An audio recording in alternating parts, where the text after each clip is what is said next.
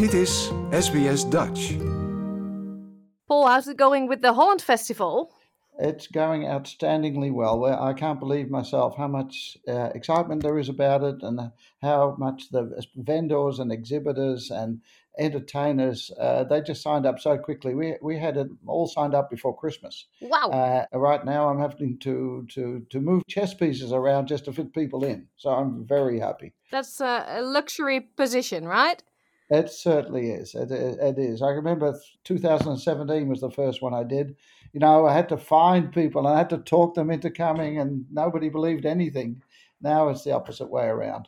Yeah, so it's two months ago, I reckon. 18th of March, the festival is happening after Right. two years of absence because we know why COVID. I don't want to mention that word too often. What can we expect when we come this year? Well, well, all the foods that we've always had, they're, they're all going to be there again, uh, you know, from the kibbeling and the oliebollen, the poffertjes and, and so forth. We even have a, a FEBO machine uh, this year, uh, so you can buy from the Moor. uh, uh, the bistro this year will be more street food rather than plate food. We still have it on the plate, but you'll be able to sit down. So we have like a 170 seat bistro.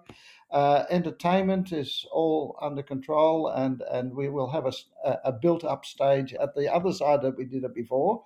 Uh, but lots of tables and chairs. We, we one of the shortage we found that we needed more tables and chairs, uh, so we've got that. And then we have some new exhibits uh, that we haven't had before. There'll be a mini Anne Frank exhibit, uh, which we're excited to have. Um, an exhibit about uh, immigration from uh, from Holland to Australia. Uh, a, a lady called Nonya Peters uh, has put that together with um, a display of uh, success stories in Australia from people like Johnny Young, the singer, and so on and so forth.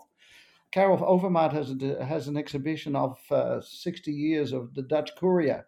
I'm not sure how that she's going to display that, but but she- she's got a, quite a big area for that.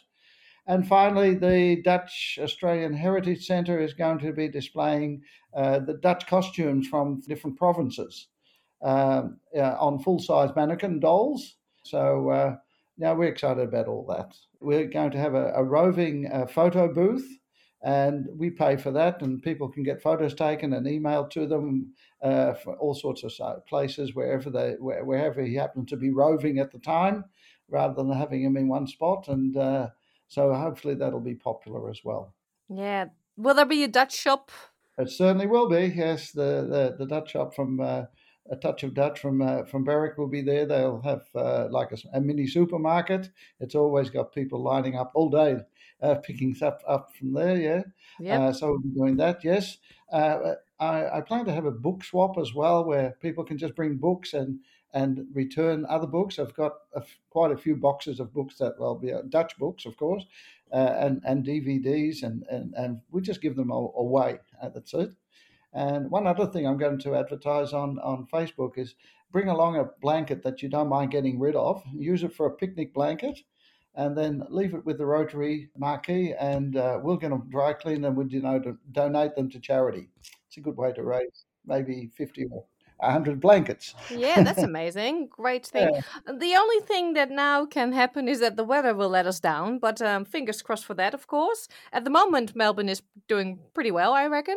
Well, um, that's why we picked the middle of March. It, it's almost the most stable part of the year, and um, of course we can have bad luck, but um, you know it would be bad luck. You, know, you can't do much about it. You know we just have to see. We do have a plan B where if it was really wet and rainy, we can still run the bistro and the a mini uh, festival for whoever still wants to come. But uh, let's I not- mean, it's a well-known saying, right? We're not made of sugar.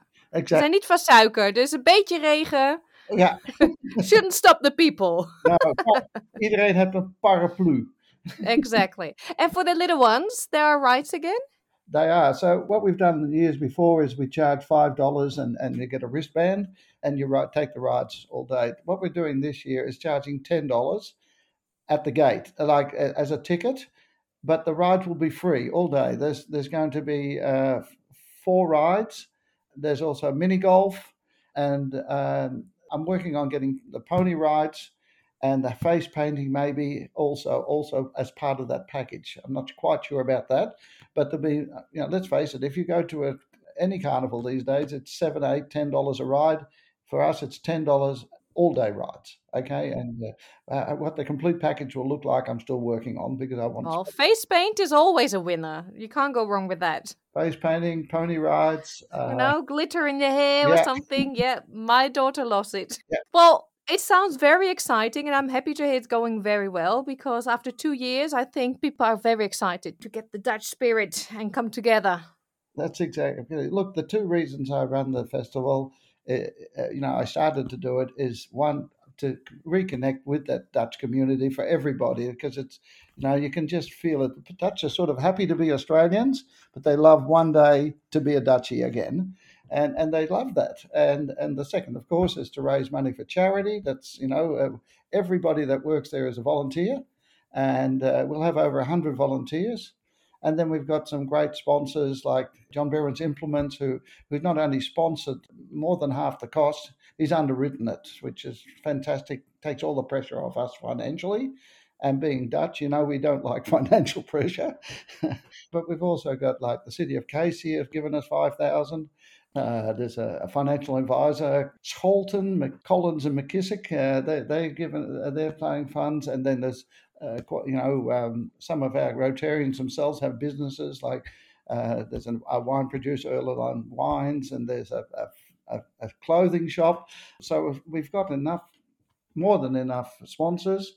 Uh, and I'm still working. Never on, enough, Paul. Never, never enough. enough. I'm still working on more. That's for sure it goes to the bottom line, and that money goes to charities. And we got some wonderful charities.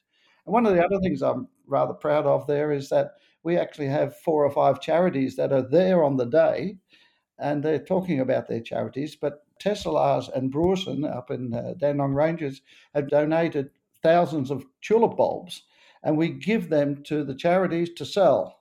And so whatever they raise, they keep. Uh, uh we don't ask them to, to give it to us. And so those hopefully will raise, and they have in other years raised 1,500 to two thousand dollars each for their own charity. Uh, we will top that up if we make enough profit, and um, at the same time, yeah, it just they can talk about their charities to people who are buying the tulip bulbs.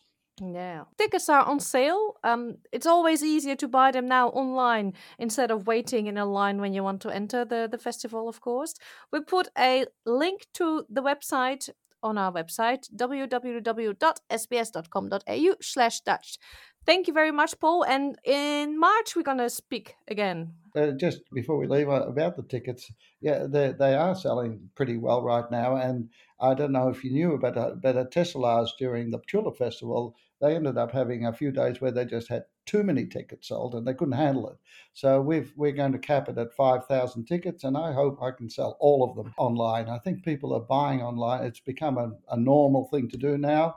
And um, if something should happen that we can't run the festival, everybody will be refunded. We tried to run one in 2022 uh, and had to cancel it. Everybody was refunded. So, uh, uh, so buy it online. We much prefer that, and it takes the pressure off everybody on the day. Okay, for us and and the public, really. Yeah. Thank you, Paul. Thank you. Okay, and we look forward to seeing you there, Pauline. Like, deel, geef je reactie. Volg SBS Dutch op Facebook.